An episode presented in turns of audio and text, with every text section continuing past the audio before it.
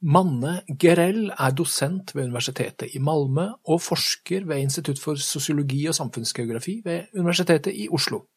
Han disputerte i 2017 på en avhandling med tittelen Neighborhoods Without Community – Collective Efficacy and Crime in Malmö, Sweden. Fokuset på nabolag med store kriminalitetsproblemer har han beholdt og videreutviklet, og hans forskning handler ofte om gjengvold, politiets forebyggende arbeid og såkalte utsatte områder. Som forsker har han ofte samarbeidet tett med politiet, og han er opptatt av at forskningen skal være brukbar og få positive konsekvenser i verden. Det skal du få høre mer om snart. Jeg heter Thomas Ugelvik, og dette er podkasten Kriminologene.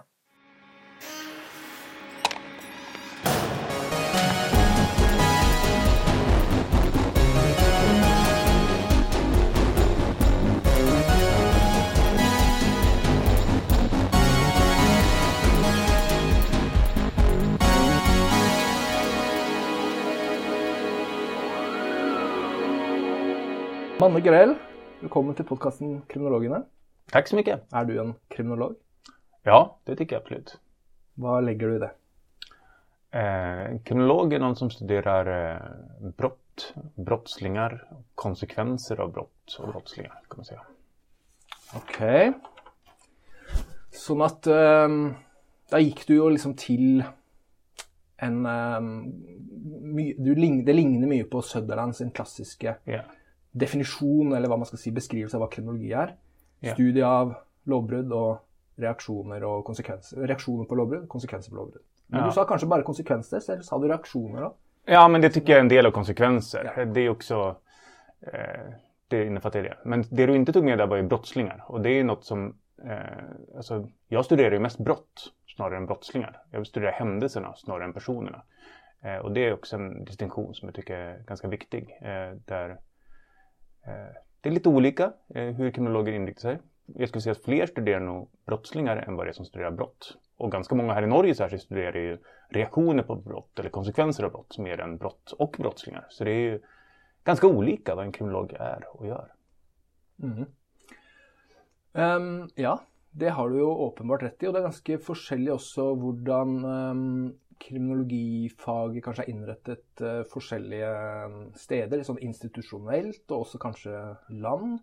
Uh, det går jo an å høre at du ikke har um, bare norsk bakgrunn, for å si det sånn. Selv om du, jeg vet du bor i Norge, så er du jo uh, både svensk av bakgrunn, og du jobber i Sverige også, så du har en liksom pendlertilværelse. Da kjenner du jo selvfølgelig svensk kriminologi kanskje vel så godt som du kjenner norsk kriminologi, da. Ja, jag känner svensk kriminologi bättre än norsk kriminologi. Eh, jag har ju varit verksam i Sverige i många år och i Norge bara i några år. Men eh, trots allt, du, du är ju sånn sett godt plassert for å si, til å si noe om eh, eh likheter, forskjeller och sånn, eh, tenker jeg, med, med eh, geografisk eh, placerat liksom litt sånn midt imellom, eller sånn. Hva er skillnaden? Hur Hva, hvordan skiller svensk kriminologi seg fra norsk kriminologi? Eh, det är många förkällor. Eh, en är att svensk kriminologi är mycket större och mycket bredare. Eh, norsk kriminologi är ju nästan bara i Oslo, som jag uppfattar det i alla fall. Men Sverige har ju ganska stora institutioner i Malmö, Stockholm, vi har en hel del i Göteborg, Örebro och många andra platser också. Sundsvall, Gävle. Så det är mycket större och mycket bredare i Sverige. Och sen en annan stor skillnad är, som delvis är en konsekvens av att norsk kriminologi är ganska liten är nog att norsk kriminologi också är ganska specialiserad. Det är väldigt mycket kvalitativt, inte så mycket kvantitativt. Det är mycket reaktioner på straff eller kontrollperspektiv och mindre om brott och brottslingar. Eh, Medan i Sverige har vi en lite bredare portfölj skulle man säga. Med lite av brott, lite av brottslingar och lite av reaktioner.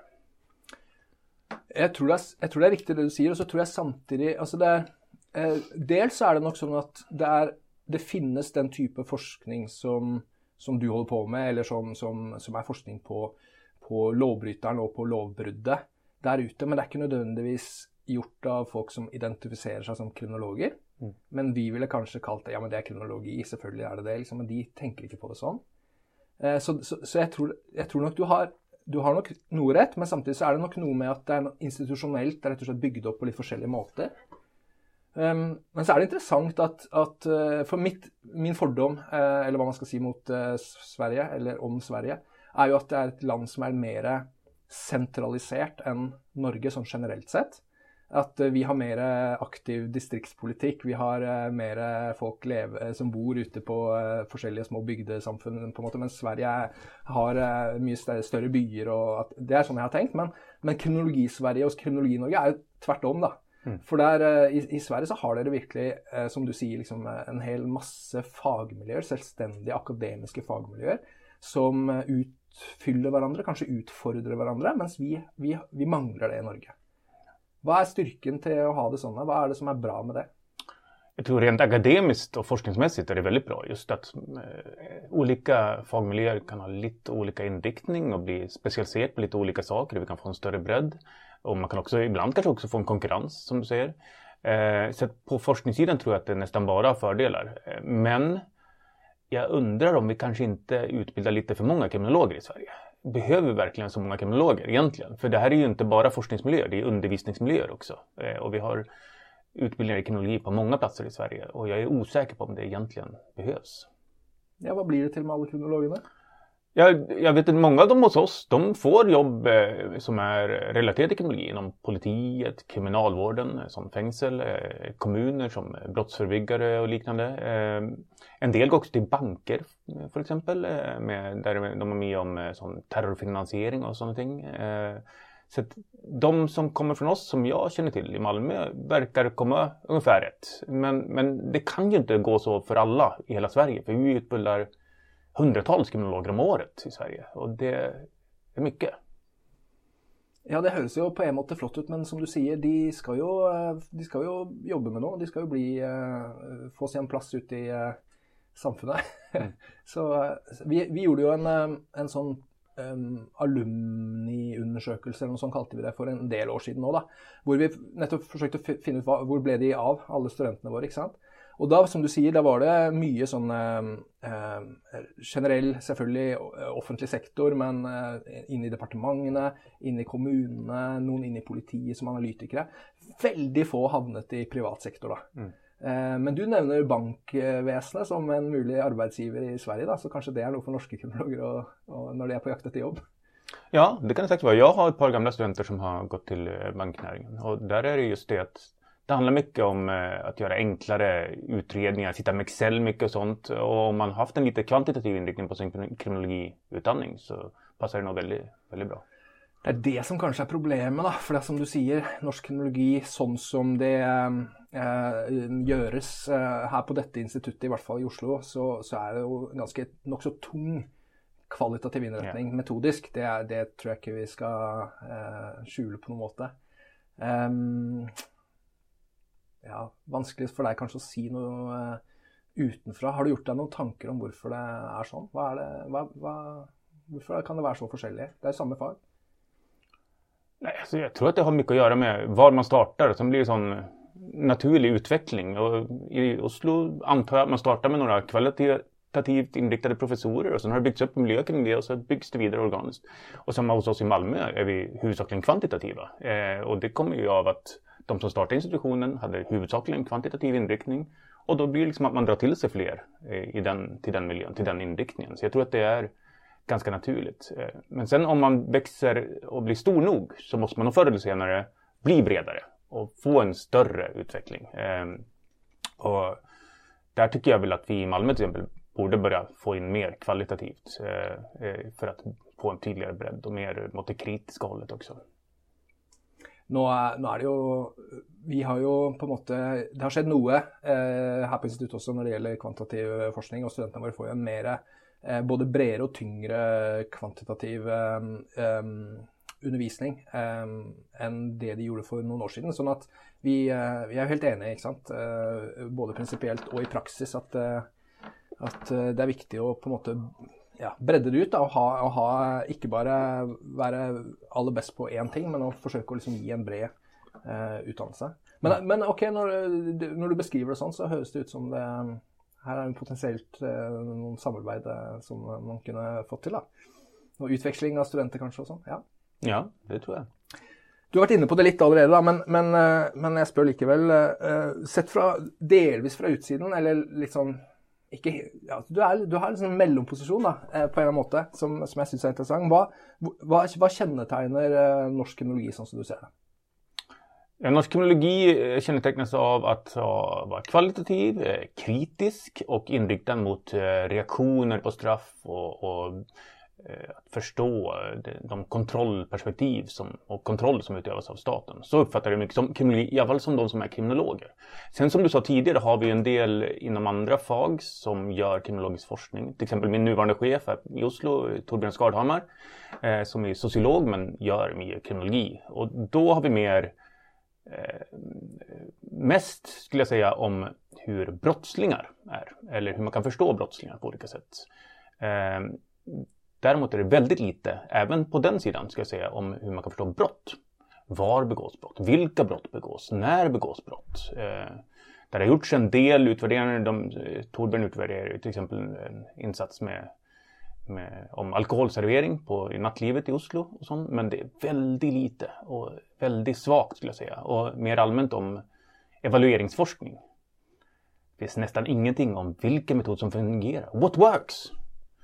Det vet vi inte i Norge. Vi får anta att det fungerar som fungerar i USA eller England. Eh, och det här är något som jag tar upp ofta i Sverige. Att vi vet alldeles för lite om det i Sverige. Men i Norge är det faktiskt ännu sämre, skulle jag säga.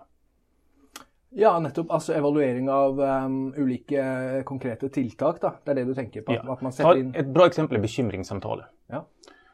I Norge har de lagstiftning på det. De har nationell vägledning för politiet. Politiet ska göra detta. I Sverige har vi ingen sån, eh, men i Sverige görs det också väldigt massa. Men i Sverige har vi i vart fall fyra kvantitativa utvärderingar. Icke väldigt goda. Ingen av dem finner någon effekt. Men det är i Sverige det vi har decentraliserat. Vi har ingen lagstiftning, vi har ingen nationell vägledning. I Norge har det lag, vägledning, men det har inte ens prövat att finna ut visst det fungerar. Och det tycker jag är lite som rart eh, för mig som kommer utifrån. Eh, och det är en viktig komponent i politikens förebyggande arbete. Det är en viktig sån sak som man gör. Och ingen har prövat att finna ut visst det har en effekt. Och då tänker vi alltså på, bara för att göra det helt klart, att, att politiet de blir klar över en eller annan ungdom som uh, börjar att uh, rusa sig, uppför sig dåligt på något måter och så har de, sätter de sig ned och säger, du kallar in till en bekymringssamtal och så har de en sån prat, gärna med kanske föräldrar och sånt. Är det, det är den typen? Ja, det, det finns två typer. En är visst det är en ungdom som har begått en brudd, lovbrott. Då sitter politiet ner med, med ungdomen och föräldrarna och säger att man, man är bekymrad eh, över framtiden för den ungdomen. Och tanken är då att ungdomen eller föräldrarna eller båda ska tänka att ah, vi må skärpa till oss här. Men en annan typ är när det finns mer allmän oro. Eh, ofta är det då föräldrar eller skolor som kontaktar politiet och säger vi är lite oroliga för den här ungdomen. Han kanske inte går i skolan, brukar dop eller något. Ingen lovbrud som vi vet, men en oro. Och då tar man också samma typ av samtal. Eh, och det är som sagt, det är en god idé. Det låter rimligt. Jag tror att det fungerar. Men det finns ingen utvärdering som visar att det fungerar. Det är ju väldigt, och helt enig, det är väldigt intressant. Um, och så är spørsmålet, eller man kan kanske säga att det säger något om norsk kriminologi. Det säger kanske också något om det offentliga Norge, då. Eh, eller hur liksom, för exempel politiet eh, och vi genomför lovgivning på det, som du säger också. Då. Mm. Eh, och det är helt uppenbart helt grejt att göra utan att vi faktiskt evaluerar eller undersöker om det mm. virker. Och det tycker jag är lite rart. Det är sån, vi skulle inte ge en ny coronavaccin utan att evaluera visst det fungerar och vilken biverkningar det har. Men här gör vi en stor insats mot massa barn i Norge, Sverige, Danmark. Och ingen vet visst det fungerar eller om det har några negativa biverkningar. För det kan ju ha negativa biverkningar. Och det är sånt som det i Norge är väldigt goda på att studera. Eh, vilka konsekvenser ting kan få på reaktioner och sånt. Så jag tycker det är rart. Eh, och där är det som du säger också en forskel mellan Sverige och Norge mer allmänt. Och inte minst att vi har BRÅ, Brottsförebyggande rådet, som en statlig myndighet som gör mycket sådana evalueringar. Eh, som gör att det blir en stor forskel mellan Sverige och Norge. Mm. Um, ja, så det, det, Brå gör mycket och har en god del uh, midler och liksom är en väsentlig aktör, mm. får man intryck av sett från mm. Norge, som, som inte bara gör forskning men som på något sätt deltar i ordskiftet runt dessa tingene väldigt sånn aktivt. da. Mm. Um, ja. ja, men det var en god idé, da. Da kan jo uh, lytterne få den gratis, da. Hvis det er noen som uh, trenger uh, tema for sin master- eller doktorgrad, kan man si. da. Ja, jag vet ju att det är många forskare som är intresserade för det och det kanske är något på gång. Det kanske kommer en evaluering snart. Men det är också lite vanskligt att, att få fram på en god måte og så er det jo på en måte Hva er en evaluering, kan vi også snakke selvfølgelig om. da. Og, og, og når, er, når kan noe få um, lov til å hete en evaluering, og når er det liksom en mer sånn studie av noe som kanskje ikke gir den type resultater, men som um, som likevel gir på en måte et bilde. altså Du nevnte 'what works' eh, som et slagord også. ikke sant? Mm. Vi har jo eh, fra mitt eget felt, som handler mye om eh, Jeg forsker mye på straff og fengsel og sånn. Vi har jo lite eh, eksplisitt 'what works'-orientert forskning som tar utgangspunkt i et ønske om å finne ut om det og det konkrete tiltaket fungerer. Fører til f.eks. lavere tilbakefall til kriminalitet på mm. sikt, liksom. Den type forskning har vi jo lite av. Men vi har jo en god del forskning om det, hvordan det oppleves å løslates fra fengsel, hva som skjer i etterkant, hvordan folk blir inkludert i samfunnet osv. Som på en eller annen måte selvfølgelig har noe å si om straffen fungerer eller ikke. Mm -hmm.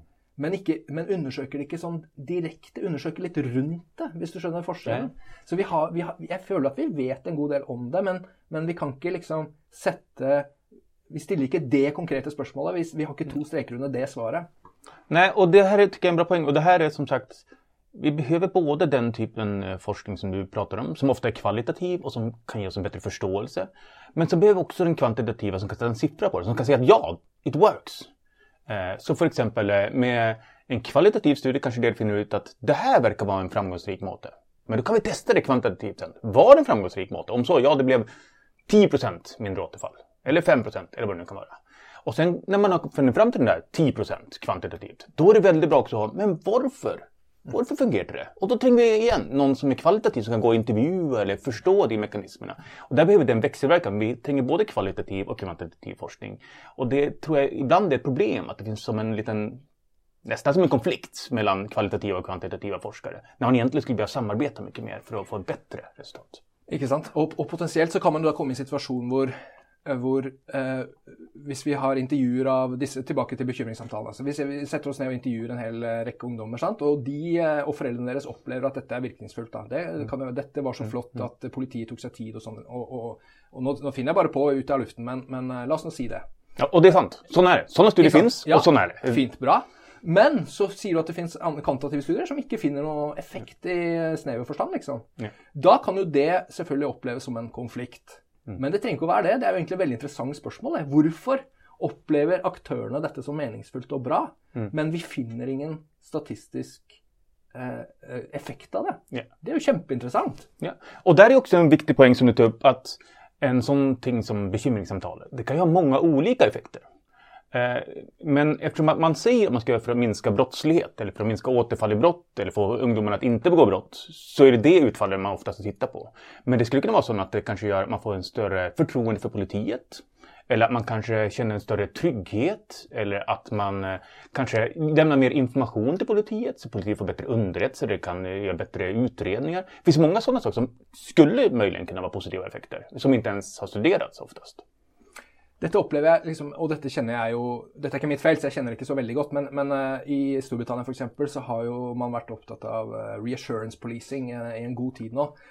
som, altså, um, som altså er en form for liksom, politivirksomhet som ikke har som hovedmål i hvert fall at kriminaliteten skal gå ned, eller bekjempe den, men som har som, som, som eksplisitt mål da, mm. at man skal skape trygghet. Man skal skape gode, god stemning i samfunnet, på en måte. Og det er målet. Mm. Eh, det opplever jeg ikke norsk politi er like tydelig ute, og, selv om de kanskje har det som, som viktige eh, sideformål også. Men at de, det, er, det, er, ikke så eh, mye ute i den norske offentlige samtalen at vi driver med det. Um, jag vet inte, är det annorlunda i Sverige? Ja, lite tror jag. Det är nog en ganska stor grej, i alla fall för våra utsatta områden. Eh, där det är ett ganska viktigt tema. Och där tycker jag också man ska betona att det, precis som du säger här, eh, så mycket av det som görs kanske inte får en effekt på brottslighet. Och här har vi också en sån metastudie, en sammanfattning av, av den kvantitativa kunskapen vi har om community policing, eh, områdespolitiarbete, eller vad man ska säga. Eh, den visar att det minskar inte brottslighet. Men det ökar förtroendet för polisen, den gör att polisen uppfattas som mer legitim och sen finns det ju andra studier som visar att om polisen har ett högre förtroende och uppfattas som mer legitim, då kommer fler samarbeta med polisen, tipsa polisen, anmäla till polisen. Det blir lättare för polisen att arbeta. Och det kanske senare kommer ge mindre brottslighet. Så därför kan det vara ett viktigt mellansteg på vägen. Där. Eller mer, da. Det er jo problemet. Hvis du skaper legitimitet og god relasjon til politiet, så er det jo flere som går og anmelder kriminalitet. Mer anmält kanske? går det ikke ja, sånt kan det vara också. Men eh, det får man ju se som bra i sådana fall, ifall det är så att anmälningsbenägenheten går upp. Vi må spole litt tilbake, for nå var vi langt på vei inn i eh, liksom, de temaene som vi skal ta opp eh, senere i podkasten. Men, eh, men vi må ha litt backstory her, altså. Hvordan, hvordan kom du til kriminologifaget? Hvordan ble du kriminolog? Ja, det var en himla slump. Jag halkade in på ett bananskal som jag brukar säga på svenska. Jag vet inte om man kan säga så på norsk. Ehm, jag var, när jag var ung, var jag väldigt aktivistisk, reste jorden runt och skulle rädda världen. Eh, så jag gjorde volontärarbete i Guatemala och Ecuador och jag var nere på Västbanken eh, och gjorde massa sånt. Eh, och då läste jag freds och konfliktvetenskap. Och jag skrev mina uppsatser om, om inbördeskrig och hur vi kunde förstå det. Och mycket av det jag var intresserad av var, är det inte så att det är orättvisor som gör att vi får inbördeskrig? Eh, borgerkrig kanske heter på norsk. Eh, och jag studerade, och jag, det var lite som, nej, kanske lite, men kanske inte så mycket. Eh, var lite det jag kom fram till. Eh, men sen så blev jag lite äldre. Jag fick barn skulle börja med min master och då tänkte jag att jag kan inte hålla på och resa jorden runt hela tiden. Jag måste få ett jobb någon gång. Så då bytte jag till eh, statsvetenskap. Eh, political science på engelska. Jag vet inte vad det heter på norsk. Statsvitenskap. Eh, statsvetenskap, ja. Och då när jag skulle skriva min uppsats, min masteruppsats. Då hade vi nettopp haft stora upptöjer i Rosengård med massa brinnande bilar och stenkastning på politiet och sånt. Och då tyckte jag att det där är ju lite som det där borgerkrigen jag studerat, fast i ett boligområde istället för ett helt land. Och tänkte jag, kanske jag kan studera det på lite samma måte. Är det olika orättvisor eller något som utlöser det? Och då började jag läsa på och landa på en del teorier om socialt kapital och sen kom jag in på Robert Samsons eh, collective efficacy, kollektiv förmåga. Att eh, inbyggarnas eh, förmåga att hantera problem i ett boligområde kan förklara med brottslighet och sånt. Och då skrev jag en uppsats om det. Och då var det en professor i kulturgeografi som höll på att studera de upploppen, de upptöjerna som vi hade haft i Rosengård också. Och han tyckte det lät intressant så då började vi prata och sen sökte vi pengar och så fick vi pengar för att forska vidare om det och så blev jag anställd hos honom som forskningsassistent i kulturgeografi. Och sen när man närmar sig två år då kan man inte ha midlertidig anställning längre.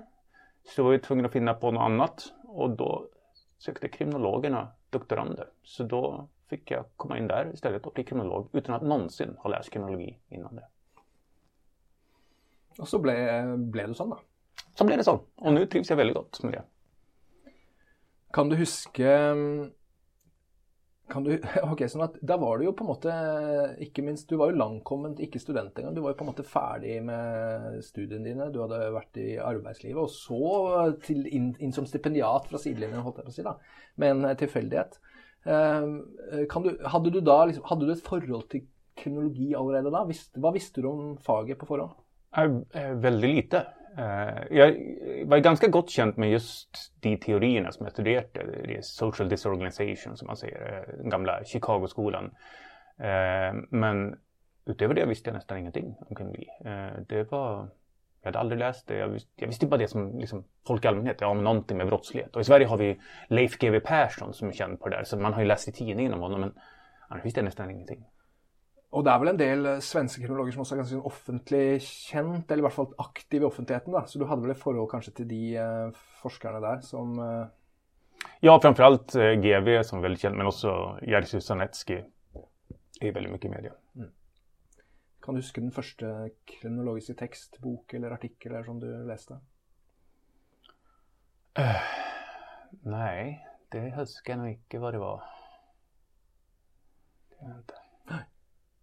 Vi har jo, Jeg stiller spørsmålet til alle på podkasten, og, og eh, de aller, eh, om det er de fleste eller veldig mange, kommer med en eller annen Nils Kristi-bok. ikke sant? For, som, han har hatt en sånn veldig spesiell posisjon i norsk kriminologi som en sånn figur som, eh, som har vært, og er den dag i dag, veldig sentral, binder oss sammen på en eller annen måte i vår felles kjennskap til disse tekstene. på en måte da. Så du har ikke noe sånn forhold til Nej, inte Nils Christie har. Nei, nei. Men, ingen, men, men nej, jag tror det närmaste jag kommer det eh, Ruth Kornhauser. Eh, Eh, som eh, skrev sin eh, doktorsavhandling 1978. Och de fick ta ett stort grepp om alla de olika teorierna som fanns då, social disorganization, strain, cultural deviance och för, på något sätt eh, bryta ner dem i dess beståndsdelar och sen samla ihop dem igen och organisera dem på ett nytt sätt. Eh, det är nog eh, det närmaste någon sån samlande bok eller så som jag har och som alla stipendiater i Malmö brukar läsa den boken och ha den som en sån samlingsgrej också. Så att, eh, den är nog min motsvarighet. Tror jag.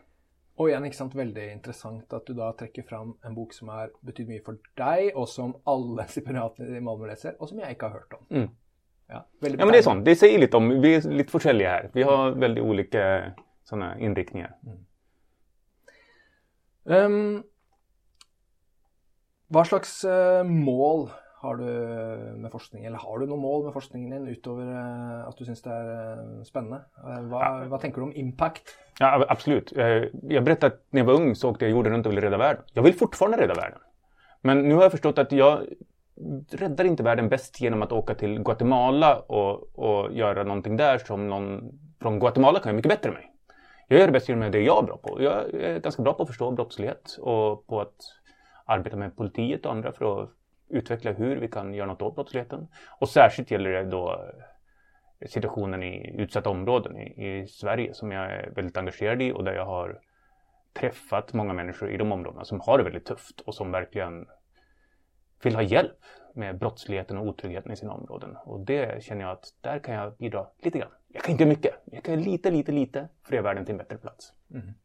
Du, du nämnde samarbete med politiet. Um, ehm, så att um, det er en naturlig, sånn, ja, naturlig del av din faglighet er å, er å jobbe med politiet, med uh, ordensmakten, på en måte, for å gjøre deres uh, arbeid bedre. da. Ja, absolut. Eh, och det här vet jag att somliga kommer vara väldigt kritiska mot. Men, men för mig är politiet den viktigaste kraften som kan göra en skillnad eh, för de här som lider av brottsligheten och gängen i de utsatta områdena. Eh, överlägset viktigast. Och jag har samarbetat med polisen ända sedan jag började i stort sett. Eh, från början jobbade jag lokalt med polisen i Malmö i några bostadsområden. Eh, och sen eh, började jag samarbeta med polisen nationellt i Sverige, NOA som heter Nationella operativa avdelningen på deras arbete kring utsatta områden. Och jag tror att det är där jag kan göra mest nytta. Um, kun, alltså, ja, ikke sant. Kunde du like naturlig ha jobbet som en analytiker, jobbet innad i politiet? Ja, och jag har gjort det. Ja. Eh, och jag har fortsatt en eh, timanställning eh, hos politiet. Så att, det är inte mycket, men sån eh, några dagar om året jobbar jag åt politiet som analytiker fortsatt. Och för några år sedan så jobbade jag tjänstledig på halvtid och jobbade halvtid på politiet med att göra just analyser på utsatta områden. Och det är faktiskt lite intressant för jag gjorde ganska mycket liknande saker som jag gör som forskare. Men den stora skillnaden som jag upplevde var att politik var mycket mer byråkratisk. Mycket mer möter, pappersarbeten, administration än när jag är forskare. Så det var faktiskt lite förvånande, men så upplevde jag det. Det är ju intressant. Alltså att eh, eh, selve virksomheten er eh, på mange måter lik, men at eh, Men hva, hvorfor? Er det fordi at de har liksom, Er det en paramilitär struktur med hierarki? Altså, er det sånne ting som spiller in? Ja, lite sådana. Och sen också det att jag, Det är en väldigt stor organisation. Politiet i Sverige har ju mer än 30 000 ansatta och jag var uppe på nationell nivå. Strategiskt blir det nog mer administrativt. Men sen är det sådana saker som att för att få en ny program till datorn min, då må jag först gå ett kurs. Och det må registreras och så må en chef godkänna det, må fylla i en blankett för att ansöka om att få den kursen och sen för att få den programmen. Och allt det tar ju tid. Eh, men på universitetet säger jag bara, jag vill ha det programmet. Och så okej, okay, här får du Och så, ja men det är det. Liksom. Eh, och det är allt där, det finns så mycket regler och struktur kring allt. Som jag tror är lite för att det är en väldigt stor organisation, men som också gör att det, ting tar tid. Helt enkelt. Heldigvis så, så, har vi heller ikke på Universitetet i Oslo kommet dit at vi må eh, søke om å få tilgang til et dataprogram. Men, mm. Eh, men kritiske tunger mener jo at akademia går litt i den retning, da, så vi får eh, stå imot så godt vi kan. Mm. Um, men, men, ikke sant? i Norge også så får jeg, er jo mitt inntrykk at den type liksom, analyse, strategisk og sånn analyse At kriminologer eh, rekrutteres til politiet och att, att den type jobb som du gjorde, eh, och på en måte fremdeles gjør, da, at, det, at det er mer, eh, mye mer vanlig enn det var før. Og, eh, men, men, at det er litt mer sånn skille, litt mer vanntett skott mellom det som er analyse innad i politiet, og det som er forskningen. At, at, at det, så vidt jeg vet, med forbehold om at jeg ikke vet alt, så, så er det liksom ikke den, den, type rolle som du har tatt deg, hvor du er eh, litt mer sånn sømløst forsker, men arbeider veldig tett sammen med, og av og til til og med i politiet, samtidig som du er forsker, den kjenner vi ikke så godt fra Norge. Men den är ganska vanlig i Sverige faktiskt. Eh, jag hade ju nu för bara några veckor sedan en stipendiat som tog sin PhD i kriminologi som är ansatt av politiet och har varit ansatt av politiet. Politiet har betalat hennes lön hela hennes stipendiattid och nu har hon en PhD i kriminologi. Eh, hon är då politi. Eh, vi har också sådana som Joakim Sturup Amir Ostami som jag har jobbat mycket med och forskat med som båda två har, Amir är polis men är nu tjänstledig och forskare och Joakim är inte polis men jobbar nu heltid åt polisen fast han är forskare. Och det, vi har ganska många sådana nu faktiskt i Sverige eh, och jag tror att det är väldigt nyttigt, eh, väldigt bra, eh, både för akademin som lättare kan göra intressanta eh, experiment, utvärderingar och så när man har bättre kontakt med polisen, men också för polisen som kan få bättre kunskap. Och sen såklart vet jag att det finns risker med det också. Det är lätt hänt att det kanske är svårare att vara kritisk mot polisen om man har en nära relation och så vidare. Och det förstår jag och så är det såklart också. Det finns inte bara fördelar med det utan det är också nackdelar. Ikke sant. Og jeg, jeg tror at norsk kriminologi også har endret seg såpass mye at jeg, jeg tror ikke at eh, eh på en måte kriminologi i Norge vil eh, generelt sett oppleves som like kritiske til dette som for noen eh, år siden.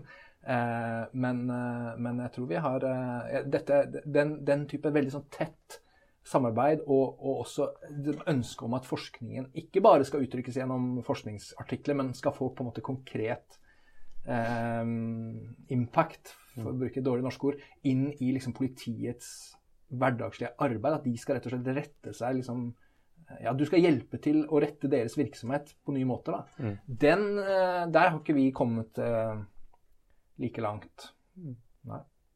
Nej, så kan det vara. Och jag tror också att för att få sån impact i politiets verksamhet eller andra praktiska verksamheter måste man nästan ha nära samarbete och, och eh, liksom, eh, ha den här utväxlingen tillsammans. Det är svårt att bara komma med här är en akademisk artikel, kan ni göra det här? Det, det är liksom, som fungerar inte.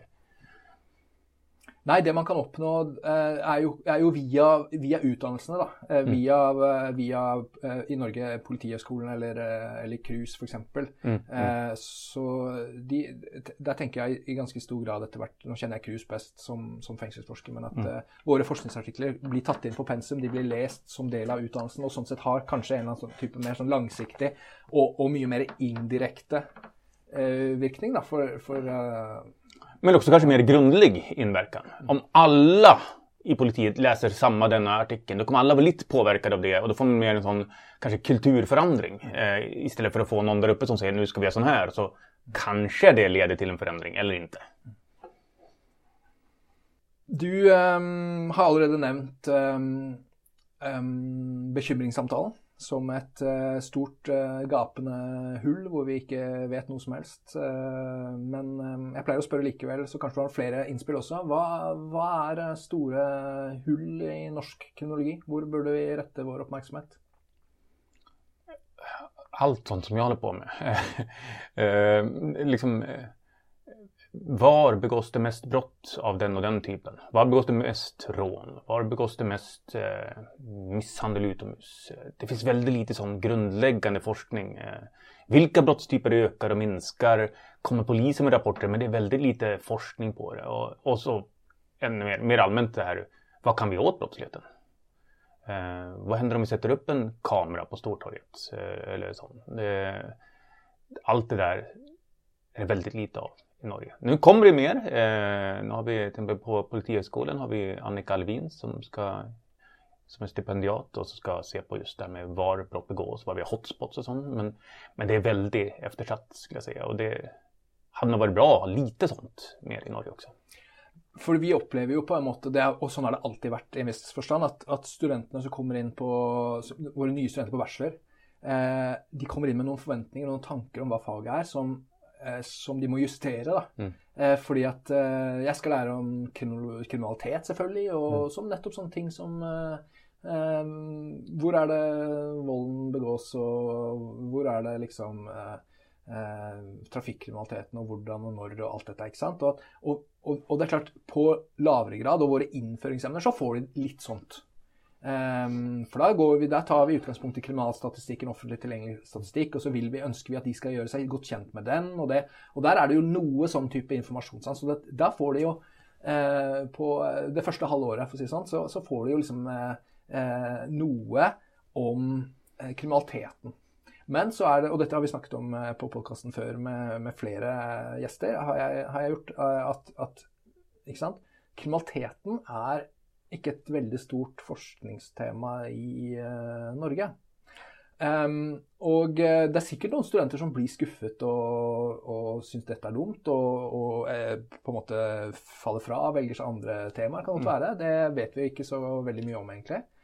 Um, men, men, i Malmö, da, deres studenter som begynner der, de får jo nettopp dette her, da. Opplever dere, opplever dere også at studenter må liksom justere sin forståelse av hva faget er etter hvert, eller får de faktisk det de håpet å få? Vi försöker marknadsföra oss ganska tydligt med att vi är ganska praktiskt applicerat inriktade och ganska kvantitativt inriktade. Eh, men vi har fått kritik av studenter för att vi har för lite critical criminology, green criminology eh, och så vidare. Och det tror jag det är en rimlig kritik. Eh, vi, vi, har inte så mycket sånt. Vi har inte så många som forskar om sånt. Och då undervisar vi inte så mycket om det heller. Så att det är som sagt, man gör olika val. Det finns för och nackdelar med det. Och vi är bra på en del saker och mindre bra på annat. Det är ju intressant att, att de upplever att det är det de mangler. da, For at eh, de kommer inn av unge mennesker og aktivistisk orientert og kritisk, sånn som du var selv når mm. du reiste verden rundt og ville redde den. sant? Mm. Men så får de bare kvantitative studier ja. om uh, what works, og ja, det er ikke det de vil ha. Litt sånn. Ja. Eh, vi tycker vi är lite sånt, men, men, men som sagt, studenterna har kritiserat oss för det och jag håller med. Alltså, vi, vi är inte så bra på det. det sån är det. Ja, nei, men alle har sin uh, innretning og sin slagside og sine blind spots, liksom. Mm. Så Feil blir det uansett, da. Det er ålreit. Mm. Du har valgt en tekst da, som jeg har fått eh, lese på forhånd, som eh, vi kan eh, se litt nærmere på. og Den um, heter 'Swedish Conditions?' spørsmålstegn. 'Characteristics of locations the Swedish police label as vulnerable', som er antatt eller under publisering i Nordic Journal of Urban Studies. Og konteksten er jo ikke sant, i tittelen 'Swedish Conditions'. Det er jo svenske tilstander da, som vi kjenner godt fra norske medier. med diverse politikere på høyresiden, særlig da, Siv Jensen, Sylvi Listhaug kanskje først og fremst. Sistnevnte dro til, på en berømt reise til Rinkeby mm. og, eh, og, undersøkte liksom hvor ille det kan bli. Eh, med sånne no go-soner hvor politiet ikke tør å dra inn, og alt dette her. Og, og masse vold og skytevåpen og bilbranner osv. Som vi kjenner fra media, først og fremst i Norge. Um, er dette et begrep, altså svenske tilstand, som dere bruker i tittelen her på den, engelske, den engelske tittelen? Hva slags begrep er det i Sverige? Altså, hvordan er, er, det, er det i bruk i svensk offentlighet? Nej, lite. Eh, men det är inte så känt i Sverige. Utan eh, det är känt i Sverige bara genom att man, en del vet att man pratar om det i Norge och Danmark, om det svenska tillståndet. Eh, men det är inte så känt i Sverige. Utan vi tog det titeln just för att det här är en nordisk tidskrift. Och är känt för norska, danska och i viss mån finska läsare. Så att det tilltar en, mer, en lite bredare nordisk publik än bara den svenska. Eh, att förstå det här som alla pratar om lite mer. Eh, men eh, jag tror att det mer och mer börjar komma eh, lite en medvetenhet om det i svensk debatt. Och vi har faktiskt en, en bok som jag har ett kapitel i som kommer ut nu nästa månad som heter just Svenska tillståndet. Som anspelar på den här debatten också. Men, men sånn at, ok, så der, der er det på en måte da en voksende bevissthet rundt det faktum att man sett fra de andra nordiska landene fremstår for enkelte, og vi skal ta alle forbehold her, ikke sant? Men, men for enkelte fremstår som et sånn worst case-scenario?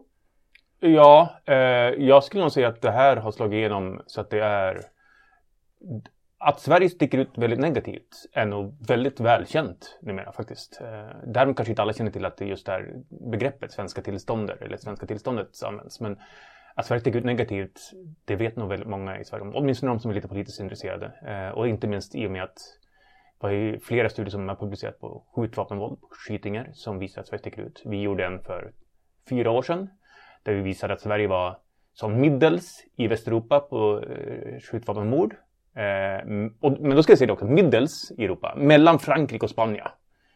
Men vi är ju Sverige. Vi ska inte vara mellan Frankrike och Spanien. Vi ska vara bäst. Vi ska vara där Norge är. Liksom. Men det var för alla. Och kollar vi bara på unga män så var vi sämst i Västeuropa. Och sen kom Brå ut med en ny studie förra året. Där man gjorde en, ungefär samma studie. Och kom fram till att Sverige var bland de sämsta. Sämst eller näst sämst i he, nästan hela Europa, i alla fall EU. Och det enda landet i EU som har en negativ trend, som har ökning av skjutvapenvåld. Alla andra ligger platt eller har minskande trend. Och då är det verkligen Sverige liksom värst i Europa. Och så kan vi inte ha det. Och då tror jag att den, det har fått genomslag i Sverige. Och det gör att väldigt många vet att Sverige faktiskt har ett stort problem och sticker ut negativt. Og, og det, dette må jo da være utgangspunktet nettopp for at, eh, for at politiet da har, har, ønsket å utarbeide en, en, liste, et kart til og med, over såkalte um, utsatte, er det begrepet på svensk, mm. utsatte, eh, nabolag. Eh, hvor de, eh, hvis jeg forstår artikkelen rett og sånn, så får du justere hvis jeg tar feil, men at politiet liksom sentralt har bedt eh, de lokale tjenestestedene om å liksom tegne på kartet hvor er eh, de verste eller mest utsatte områdene mm. med tanke på kriminalitet. Hvor er det dere har problemer med eh, gjenger og alt dette her. ikke sant? Og så, har, har de lokalt laget en sirkel eller to eller tre på sitt kart. Sendt det inn, og så har de laget et nasjonalt stort kart over alt sammen. Eh, og så har dere tatt utgangspunkt i, i dette her kartet. Um, og så har dere brukt en masse forskjellig um, tilgjengelig uh, registerdata, tilgjengelig data der ute, og så har dere, så har dere spurt dere liksom OK, hva er det politiet treffer når de gjør denne øvelsen? Hva er det, som, hva er det vi liksom beskriver eh, ved, å, ved, å, lage dette kartet her?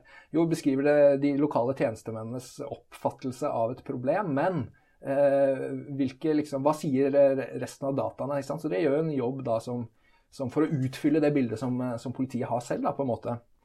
Eh, og så finner dere eh, for det ser på, ser på, data knyttet til eh, grad av sysselsetting, eh, eh, alder, type husholdning, statsborgerskap eller eh, innvandrerbakgrunn. bruk av stemmeretten å, som en sånn proxy på sosial kapital eller noe sånt. Mm. Um, I tillegg til ulike former for lovbrudd, altså registrert kriminalitet. ikke sant? Og så finner dere at ja, rett Politiet treffer jo på en eh, måte på den måten at uh, eh, en, en, del spesielle lovbrudd er liksom, uh, eh, nokså mye uh, vanligere i disse områdene. Og da uh, handler det om overfall, skytevåpenrelatert vold, narkotikakriminalitet. Men også at det er noen former for kriminalitet som er mindre vanlig i disse områdene. Eh, Bl.a. vold mot offentlig tjenestemann og eh, sykkeltyveri. Mm. Som dere trekker fram som, som særlig lite vanlig. da. Um, og så finner dere, eh, i forhold til de andre dataene, mer sånn derre eh, bakgrunns-, velferdsstatistikkdata, liksom sånn, så finner dere at, eh, at grad av sysselsetting ikke spiller noen sånn avgjørende rolle. Det er ikke det som treffer Det er ikke det politiet treffer med den øvelsen de gjør, på en måte. Men eh, andel utenlandsfødte, det er liksom virkelig, eh, mm. virkelig, noe som går igjen. Så det politiet har gjort med den sirkeldragingen på kartet, det er, å, det er, å, finne områder som har Det er også å finne områder som har veldig mange utenlandsfødte. Ja. Ikke sant? Um, og mitt første eh, For vi lærer selvfølgelig eh, Selv jeg har, så, har litt eh, kvantitativ bakgrunn, så selv jeg vet at at uh, eh, 'correlation is not causation', liksom, for å bruke en sånn meme-ordslag. Eh, uh, uh, eh, nei, ordtak. Ehm, um, sånn at hva slags forklaringskraft har dette her, da? Uh, for det sier det ikke så mye om, på en måte. Ehm, um, hva, er det, hva er det som ehm, er, er, det på en måte Tenker dere at utlandsfödda andelen forklarer noe av dette? Tenker dere, hva, hva var dere overrasket over at uh, sysselsetting ikke spilte en rolle? Altså, det er noe med kausalkraften uh, her. Ja, och det är inte lätt att förklara allt det här, eh, ska jag säga. Eh, men eh, när det gäller just att sysselsättning inte verkar ha någon stor betydelse så beror det också till stor del på att det här med utländsk bakgrund får så stor betydelse och det är så starkt kopplat till sysselsättning. De som är arbetslösa plejer att vara har utländsk bakgrund väldigt ofta. Och, och sånt. Eh, så det försvinner lite med det. Eh, men att utländsk bakgrund fick så väldigt stor betydelse, det var vi för, förvånade över. Vi visste att det skulle ha någon betydelse. Det var ju icke förvånande i det hela taget. Men Att det fick så stor betydelse var förvånande och vi kan inte förklara det men vi har ju några hypoteser om vad det kan bero på. Och en sån hypotes är, som, som jag tror är en delförklaring. Det är helt enkelt fördomar eller diskriminering. Att politiet upplever problemen som värre när, när, när problemen är gjorda av personer med utländsk bakgrund och då beskriver det som värre och då blir det större, mer sannolikhet att det eh, målas ut som ett eh, utsatt område. Men det kan också ha att göra med, med att eh, vi har olika typer av till kriminell organisering. Eh, att det i en del utländska grupper är vanligare att gå ihop i den typen av gäng som ser de här områdena. Och inte minst har vi i några av de här områdena har vi det som kallas för klaner. Eh, där det är stora släkter med många kriminella som är väldigt dominanta. Och det har vi inte i alla fall i samma, numera och i samma utsträckning bland folk som är svenskfödda. Eh, det har funnits förr i tiden och det finns i mindre utsträckning men vi har inte några sådana släkter med flera dussin eh, med svensk bakgrund som begår brott tillsammans. Liksom. Eh, så det kan också vara en förklaring. Men sen är det också, vi vet inte. Och till stor del handlar det om att det är ska säga, segregationsprocesser där vi i de här områdena som är väldigt fattiga, som har väldigt dåliga skolresultat, många som inte har jobb och som har många med utländsk bakgrund. Der har vi fått de här gängen som har växt fram och som har skapat de här problemen. Disse litt sånn uh, mer sånn uh, overraskende eller mystiske funnene med, med vold mot offentlig tjenestemann og sykkeltyveri, uh, hva, hva, er det? Altså er det um, Har de billigere sykler i disse områdene? Liksom? Cyklarna tror jag man kan förklara ganska bra. dels cyklar de inte så mycket i de områdena. Jag, det är, jag vet inte riktigt varför, om det är någon det ses liksom inte så coolt på något sätt. Eh, men sen också, om de har en cykel så är den oftast inte så dyr. Eh, vilket gör att den kanske inte är så dyr så den går på försäkringen. Den går över självrisken eh, på försäkringen. Då är det ingen som anmäler det. Eller så kanske man inte har en försäkring och då är det inte heller någon mening att anmäla det. Så det tror jag är mycket av förklaringen. Man, man cyklar mindre, har färre cyklar, har billigare cyklar, har mindre ofta en försäkring som täcker det och därför inte anmäler brotten. Men när det gäller våld mot tjänsteman är det mycket svårare att förklara. Det är väldigt förvånande. För det här är ju en faktor som lyfts fram som typisk för de här platserna. Att politiet ofta blir angripen och sånt. Och det ser ju ut, men då ser det ju ut som eh, nettopp en bekräftelse på, på, at dette er sånn no go zones. At politiet rett og slett, hvis de ikke oppholder seg der, hvis de ikke drar dit, så är det inte något våld mot dem heller. Mm, men det, de är där, de drar dit, det, så det är inte det. Men jag tror man ska också förstå sånt att det här är en eh, ganska komplicerad regression med massor med variabler. Så man måste tänka, det här betyder att tar vi två platser som är väldigt lika Eh, men eh, som eh, samma arbetslöshet, samma massa narkotikabrott och misshandel, överfall. Men den ena har mer våld mot tjänsteman. Då är det mindre sannolikhet att den ska utsätta området. Men det vi pratar om då, om man har en plats med massa narkotikabrott och misshandel för exempel. Det kommer in i, i byn, i utelivsområdena. Så det kanske blir så att vi i praktiken jämför den platsen med det utsatta området. Och du har mer våld mot tjänsteman vid krogarna i utelivet än i de utsatta mm. områdena. Så det kan vara den typen av mekanismer som gör också. Men det är någonting som vi får se noggrannare på i framtiden. Mm. Nå har ju dere, eh, du och dina medförfattare här, dere, dere, har ju på en eller annan måte definierat um, utsatt område, begreppet, på en ny måte. da. Eh, som ett område med mycket sån och sån och sån kriminalitet, men lite sykkeltyveri, ikke sant? og mange utenlandsfødte. Og liksom, så det er en ny måte på en eller annen måte å definere det mm.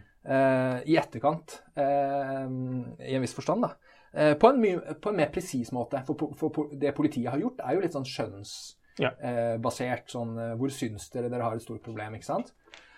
Er, er, er tanken fremover at nå, nå, trenger man på en måte ikke å spørre fremtidig politi om det, for nå har dere en, en uh, definisjon som er faktisk presis, kan bare bruke den? Nej, det är inte tanken. Eh, men däremot så eh, kan det vara ett komplement. Eh, och inte minst kan det vara som vi visade där att man kanske kan finna om, områden eller nabolag som kanske kommer till att bli utsatta områden i framtiden. Och nu har vi faktiskt facit på det. Eh, för när vi gjorde den här studien förra året. I december, när studien redan var färdig, så kom politiet med en ny lista med utsatta områden med tre nya områden. Alla tre områden hade vår studie redan identifierat de hade vi redan ringt in. Det här borde vara ett utsatt område, här borde vara ett utsatt område, här borde vara ett utsatt område. Vi kunde redan se det på, på våra eh, analyser. Det är faktiskt ett utsatt område, men det är inte ännu på politiets lista. Politiet har, har bara inte förstått det. Eh, lite så. Eh, så det tror jag är bra. Och sen tror jag också att det eh, kan vara viktigt för att lite grann utfordra politiet. För det är väldigt mycket kön. Det är väldigt mycket subjektivitet. Och det kan vara stora skillnader i hur man bedömer det. Och då kan det vara bra att ha något annat också att väga det mot eller mäta det mot. Och det kan man jämföra med i Danmark. Har de också en lista över utsatta områden. Men den är väldigt transparent, rent kvantitativ.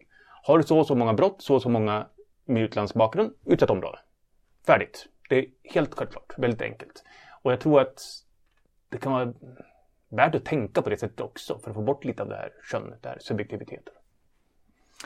Eh, i Danmark också så, så sant, De har ju en parallell på en måte i det som är det som, begrepet som är mest känt i Norge, är ju, ju gettolisten och gettolovgivningen som vi har läst lite om i, i medier och, och, och fulgt på en måte fra Norge. da. Um, som du sier, de bruker også dette begrepet utsatt område, men de bruker altså ikke bare getto, de bruker hard getto, tror jeg. Mm. Og parallellsamfunn, også begrep som, som, som, er på en måte i, uh, i, bruk i Danmark. Man får inntrykk av at de, de liksom har liksom, De er liksom hardere i ordbruken, da. Mens et utsatt område Dere bruker på engelsk 'vulnerable'. Mm. det kunne også vært oversatt som 'sårbart'. Liksom. Altså, det, det, er med, det, er noe med, ordbruken her. på hvilken måte er det et uttrykk for noe noe med det politiske ordskiftet eller Dette er jo tvers gjennom sånn veldig politiserte spørsmål, som selvfølgelig aldri regner med ikke er langt fra, fra medias uh, verden i Sverige heller. Da. Dette, disse problemene som, som, du har vært opptatt av.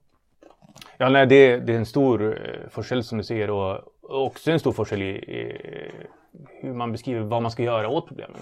I Sverige är det till stor del vi ska hjälpa de här områdena de ska få mer resurser som blir bättre. I Danmark har man också det, men det är också väldigt mycket Hvis vi icke kan få färre med utländsk bakgrund i detta område, då river vi hela området.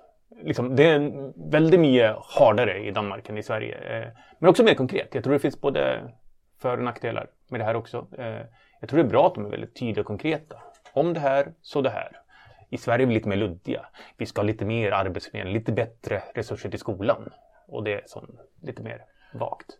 Ikke sant? Fordi at, fordi at konsekvensene, eller, eller, på en måte de eh, tiltakene som har kommet ut av danske, den danske innsatsen her, har jo nettopp vært til dels ganske sånn dramatiske og, og harde eh, i klypa, kan man si. da. Eh, ved at, eh, og, og, og, noe av det har jeg skjønt er et resultat av at eh, på en måte dansk boligpolitikk og dansk eh, hele boligsektoren er regulert på en litt annen måte. sånn at Ganske stor andeler ikke eier sin egen bolig. Mm. Veldig ulikt Norge, i hvert fall, hvor, hvor det er veldig vanlig å eie bolig.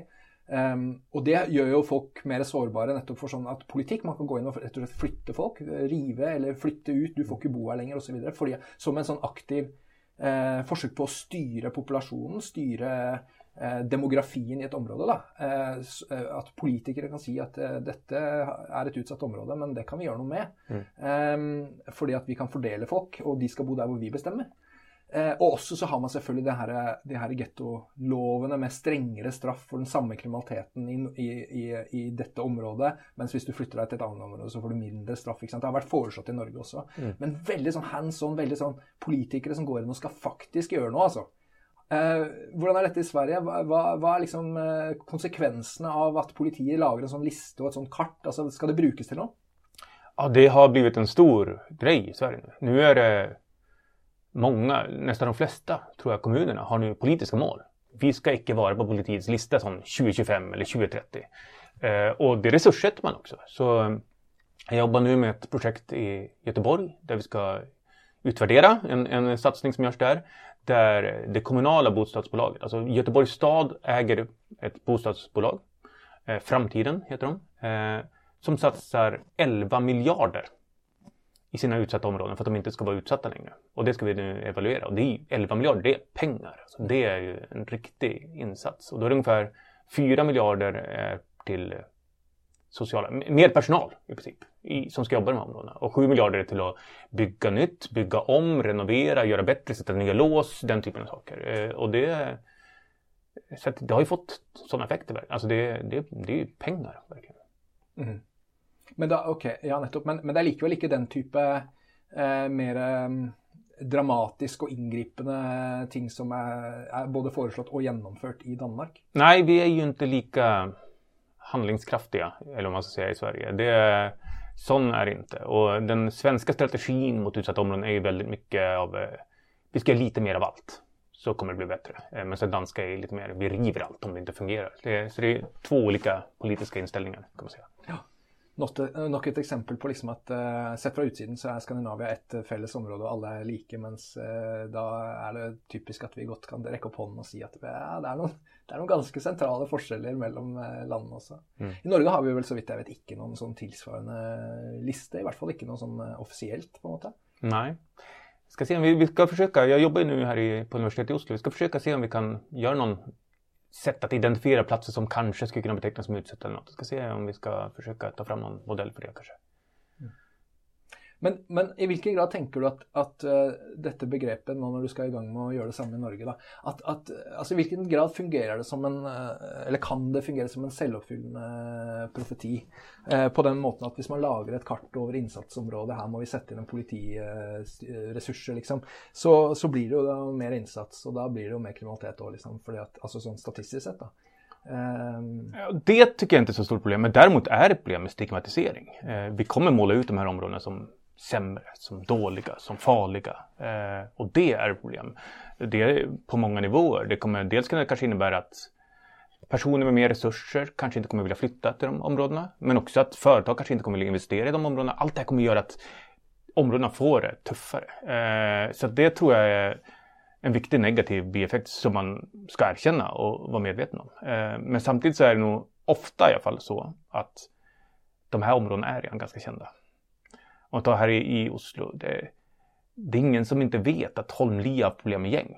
Det, är liksom, det vet alla redan. Om jag skulle säga att Holmlia har problem med gäng, då skulle jag bara, ja men har du uppfunnit hjulet nu Manne? Liksom. Det är liksom ingen nyhet. Eh, och så är det med väldigt många av de här områdena, att de har redan det ryktet. De är redan stigmatiserade. Det jag gör kan göra det värre. Men det är inte jag som har uppfunnit det på något sätt. Liksom. Eh, men som sagt, det är en risk. Det är en negativ effekt som man måste tänka på. Det är det. Og som på en måte ner ned til folks eh, lommebok med verdien av boligen deres osv. Så, vidare, så kan få eh, helt konkrete konsekvenser. Da. Absolut, det är tveklöst. Det, det första studien jag gjorde när jag började som forskningsassistent eh, på institutionen för urbana studier så intervjuade jag personer som bodde i en som ägde sina bostäder. I Sverige äger de flesta inte sina bostäder i utsatta områden utan man hyr dem. Men några äger och de pratar just om det att de som bor på andra sidan gatan, som inte då är i det utsatta området, där kostar lägenheten 300 000 kronor mer. Det, det, liksom, det var en av de första sakerna jag fick fram i mina intervjuer då för 12 år sedan.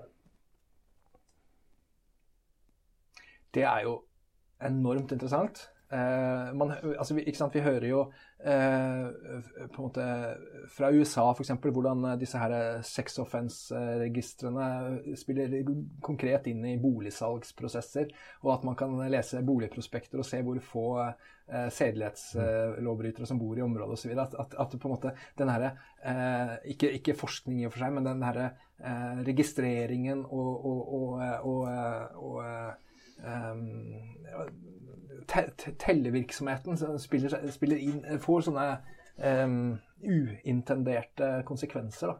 Um, og uh, dette er jo noe litt annet, liksom, men, men, uh, men likevel. Mm. Um, det, er ikke bare å, det er ikke bare å tegne sirkler på kart. Uh, det, er, det er jo faktiske bydeler der ute. Da. Ja, och det får konsekvenser. Och som sagt, jag vet inte hur mycket det påverkar. Men att det påverkar kan man erkänna. Och som sagt, mycket av problemen och ryktet finns redan där. Och vi visar, apropå bostadspriser, vi publicerade en studie förra året där vi visade att efter en skjutning sjunker bostadspriset i närheten av den skjutningen med 1,7 procent, 60 000 kronor i genomsnitt. Och för de områden som i Rinkeby till exempel i Stockholm som har många skjutningar, då kan det bli ganska mycket pengar som man tappar på att man bor i närheten av de här områdena med problem. Eh, så att det finns många olika saker som försämrar för de här områdena. Som ger dem sämre förutsättningar att bygga en bättre framtid. Eh, de får mindre resurser, mindre pengar, färre som flyttar dit och så vidare av allt det här. Och det blir som självförstärkande processer, negativa spiraler. Samtidigt som det må betyda att, eh, att, det, att det finns väldigt många i alla dessa områden, oavsett hur utsatt ett område blir, så finns det ju väldigt många som bor där som har starka incitament och, och mycket på en måte att hämta på att området eh, inte altså kommer seg ut av den, ut av den listen. Da. Mm. Eh, fordi at, og, og, ikke minst også på, eh, i lommeboka, liksom. At eh, eh i den grad de eier boligen sin. Så ja. Mm. ja. Ja, och det sker ju väldigt mycket bra i de utsatta områdena också. Och det är ju också ett, ett problem där media kommer dit när det har varit någon som blir skjuten och så blir det fullt fokus på det några dagar. Men sen kanske det händer något väldigt bra i området som inte får så mycket uppmärksamhet. Och det där är ju någonting som många som bor i de utsatta områdena brukar uttrycka en frustration över. Att det bara rapporteras negativa nyheter från de här områdena trots att det också händer positiva saker. Ja, och det tror jag man känner sig väldigt igen i tillsvarande områden i Norge också. Men eh, sant? och sett från ett kronologperspektiv så, så, är det väldigt lätt att tänka att, att hela idén om ett utsatt område på en måte, det är också, också eller först och främst, eller, ja, det, är det, är på något sätt ett, ett politiskt verktyg.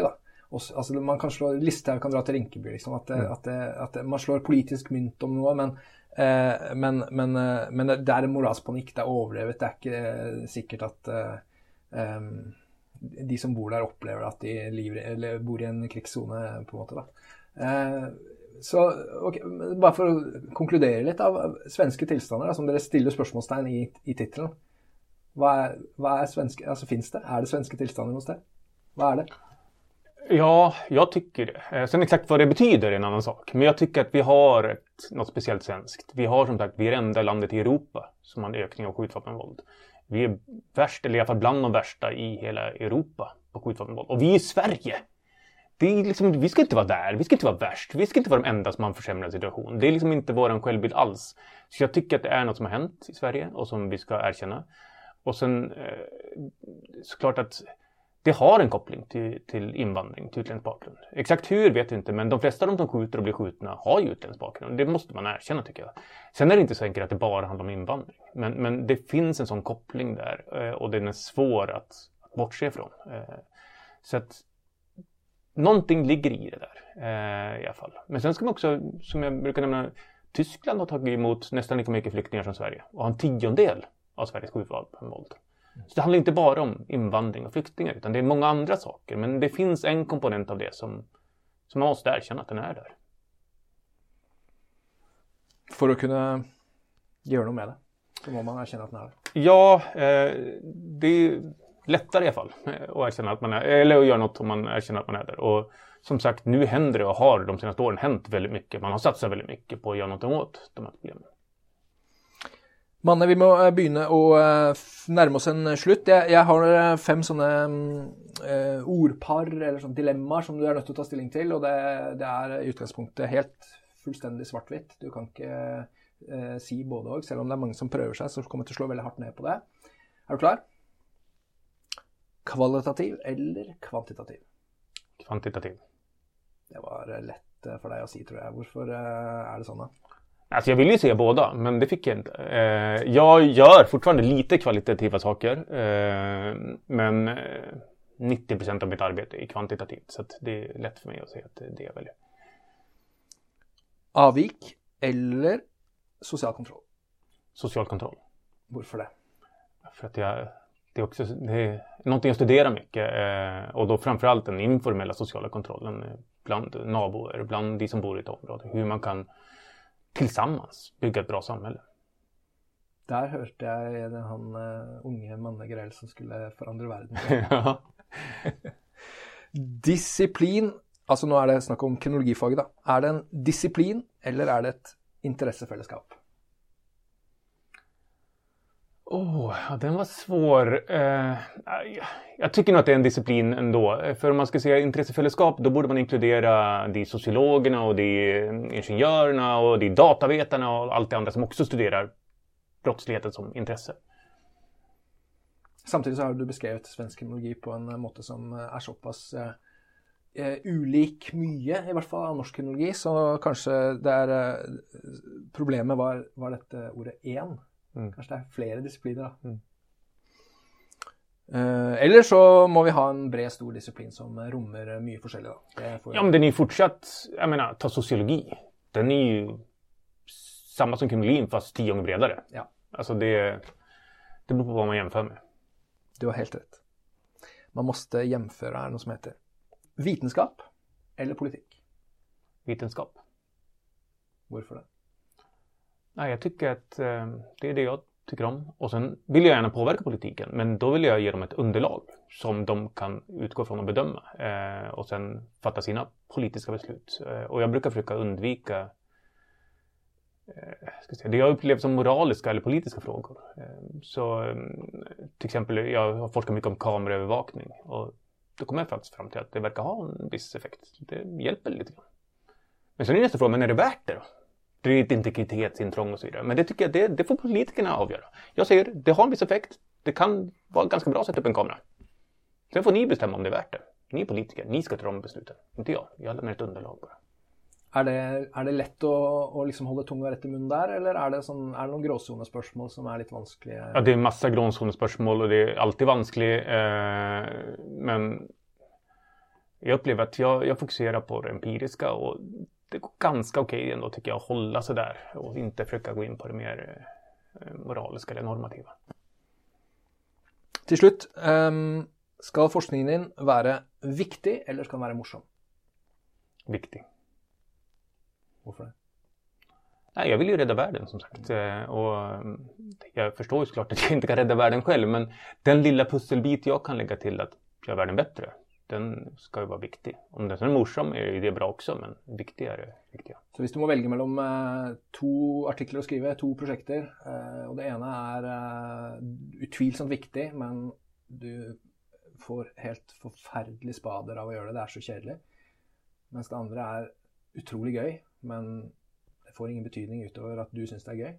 Då väljer du det första. Ja. Men det är sällan jag hamnar där. Det jag tycker det mesta det jag gör är ganska morsomt då. Det är bra. Flax för dig då. Mm. Hvor går uh, vägen vidare? Har du några planer som du kan dela med oss? I framtiden? Ja.